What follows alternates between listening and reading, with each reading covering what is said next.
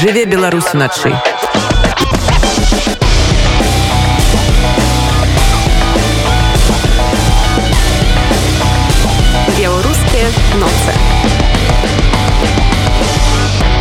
Вяртаемся ў студыю рады УНэт пры мікрафоне для вас па-ранейшаму працуе роман ждановіш беларускі добраахвотнік пан зубар змагаўся за тэрытарыальную цэласнасць Украіны ў 2015 годзе потым быў час калі ён павярнуўся да мірнага жыцця але з пачаткам паўнавартаснага расійскага ўрвання ва ўкраіну з першых дзён пан зубар вырашыў што пакуль мірнае жыццё ён адкладзе слухаць размову маёй калегі алены прыходзькі з панам зубрам у падкасці неверагодныя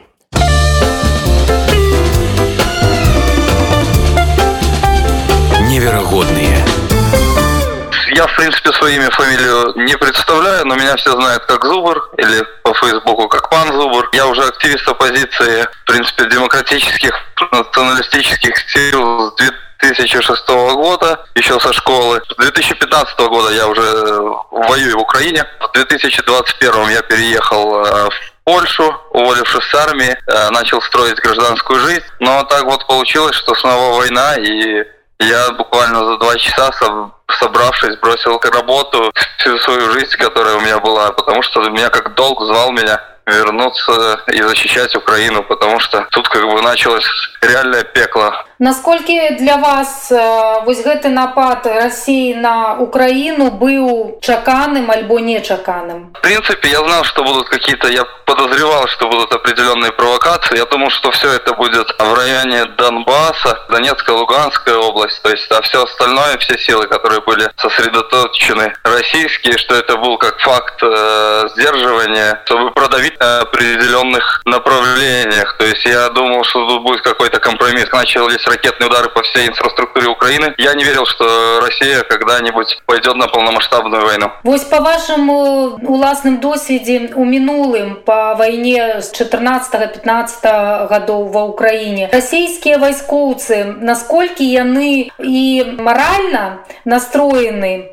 на войну и технично подрыхтованы? Немножко не прямо отвечу. Я скажу так, что я приехал в 15-м, и мотивация у сепаратистов, то есть их дух, был всегда ниже, чем у украинской стороны. То есть, в принципе, инициатива всегда была с 15 -го года на нашей стороне. И то есть, в принципе, мы, скажем так, украинская сторона всегда была более инициативная, более воодушевленная и все. На теперешний момент я смотрю, что регулярные российские войска по своему боевому духу и мотивации еще хуже, чем те сепаратисты, которые были собраны из всякого сброда со всего СНГ. Зараз э, усе кажуць аб тым, што другая па колькасці і па сіле армія ў свеце яна аказалася не такой магутнай, як аб ёй хадзілі міфы. Да, да, она как пузырь надута, и они привыкли верить в свою мощь, в ядерное оружие и в прочие какие-то мифы, которые они сам, сама же их пропагандистская советская система времен Холодной войны, которая она придумывала, то есть по инерции они верили, что это так и есть. А еще Савок обосрался в Афганистане, и после этого он как бы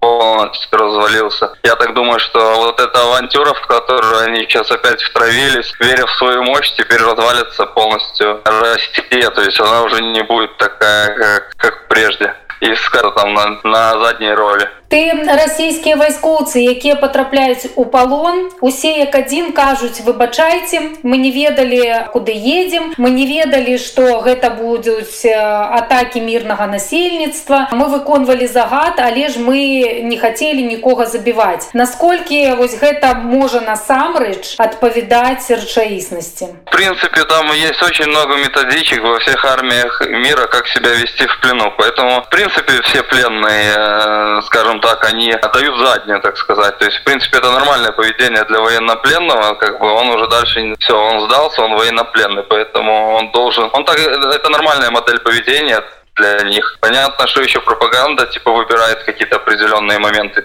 людей, которые с детьми, еще которых интереснее опубликовать. Но вообще, да, вообще вот как раз по военнопленным и видно, что мотивация и боевого духа у них не было. Они были ни морально, ни ментально вообще не готовы никакой войне, где им готовы дать отпор. То есть они верили в ядерное оружие и в свою мощь, а вот по факту, когда им дают отпор, показалось, что они вообще никакие, не готовые, не подготовленные. Не ровнее украинская российской армии. Это только исполнители. Знаете, как вот э, убийство Кеннеди, что заказчика так и не нашли. То есть исполнителя всегда можно найти. То есть тут вопрос, что они исполнители только. На самом деле вся ответственность лежит на тех, кто отдает эти приказы. А солдат только выполняет приказ. То есть и до конца он же не может знать, куда он бьет. Он там ночью вылетает или еще ему дали точку, объект, что это военная инфраструктура или еще там какие-то моменты. Им же подают только координаты, то есть для артиллеристов, для авиации, то есть для солдат им говорят, что мы выдвигаемся, у нас операция. То есть основная ответственность на командирах и на тех, кто планирует это. Поэтому такой большой ответственности на солдатах и нет.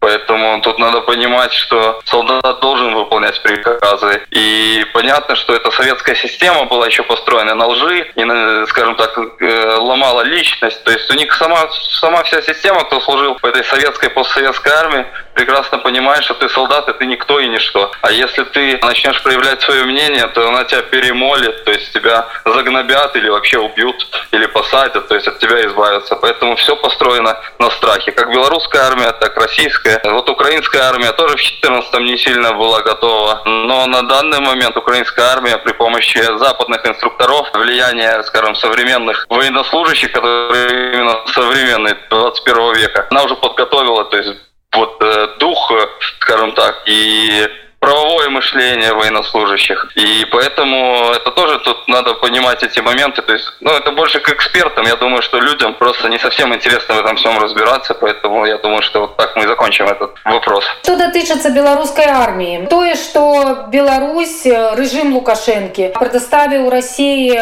краину як плацдарм, як пляцоўку для вядзення войны супраць Украины, это відавочна, што там Лукашенко не казал. Але ж вось насколькі верагодна верагодны удзел можа не солдат але ж беларускіх афіцераў у тых аперацыях якія зараз праводзяцца альбо ўжо праводзіліся з тэрыторыі беларусі супраць украины вот я если мы вспомним то лукашенко как раз перед началом этой войны рассказывал что там в киеве они будут через три дня на третий день когда велись боевые действия и российский блицкрик полностью провалился они ни одной задачи не выполнили в том объеме как хотели ни десантные их операции, ничего не увенчалось успехом, то Лукашенко уже поехал кататься на лыжах. То есть Лукашенко очень хитрый и умный, поэтому он как бы уже к третьему дню осознал, что в эту авантюру надо не вписываться, потому что это будет его конец, и конец его правления, конец его режима. А, весь силовой блок, как МВД, КГБ или э, армия,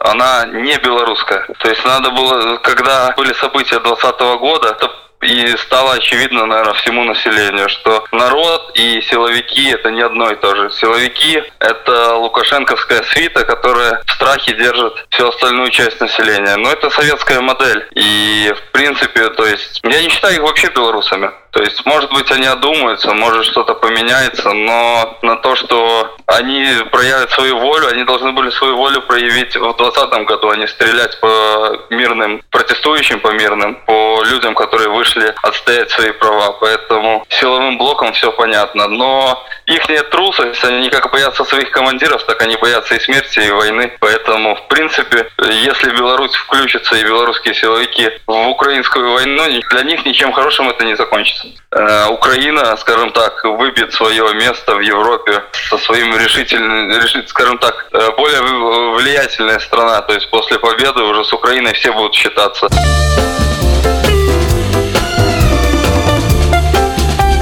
Невероятные